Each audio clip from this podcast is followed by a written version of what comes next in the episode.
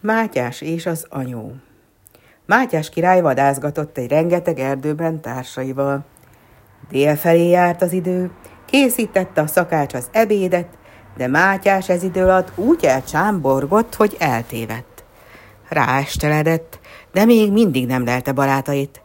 Elfáradt, elcsigázódott, mikor megpillantott egy pislogó fényt.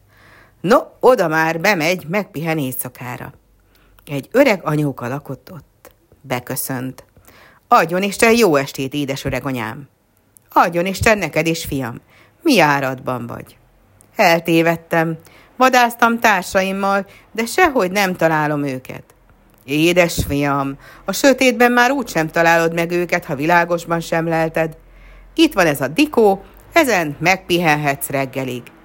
Vacsorát nem tudok neked adni. De várjál csak, van egy tyúkom, azt levágom.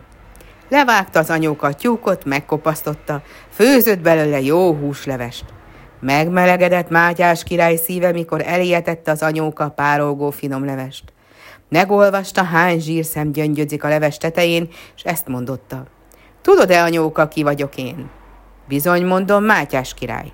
Ó, fiam, ne haragudj rám, nem ismertelek meg, és királyhoz illője meg sem tiszteltelek. Nagyon elégedett vagyok, anyókám, mert egyetlen tyúkodat is levágtad a vendégnek, s megfőzted levesnek. Most annyi aranyat kapsz tőlem, ahány zsírcsepp gyöngyödzik a leveset tetején. Elővette Mátyás király a pénzes zsákját, és híja nélkül kiszámolta az asztalra az aranyakat. No, erre pont betoppantak a vadásztársai. Jaj, királyunk, az egész erdőt bejártuk, érted? Miért jöttél ilyen messzire tőlünk? Nagyon aggódtunk, érted?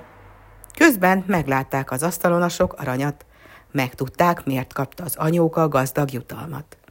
No, gondolta magában a kuktája, majd főzök én a királyomnak olyan zsíros levest, hogy nem győzi nekem az aranyakat olvasni a zsákjából. Hazamentek.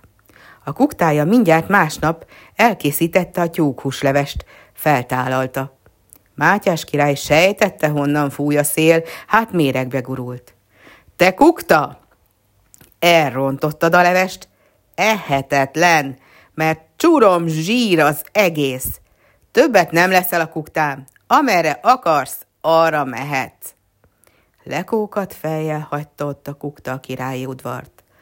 Sok aranyat akart, de nem kapott semmit. Az öreg anyó pedig ma is él, ha meg nem halt.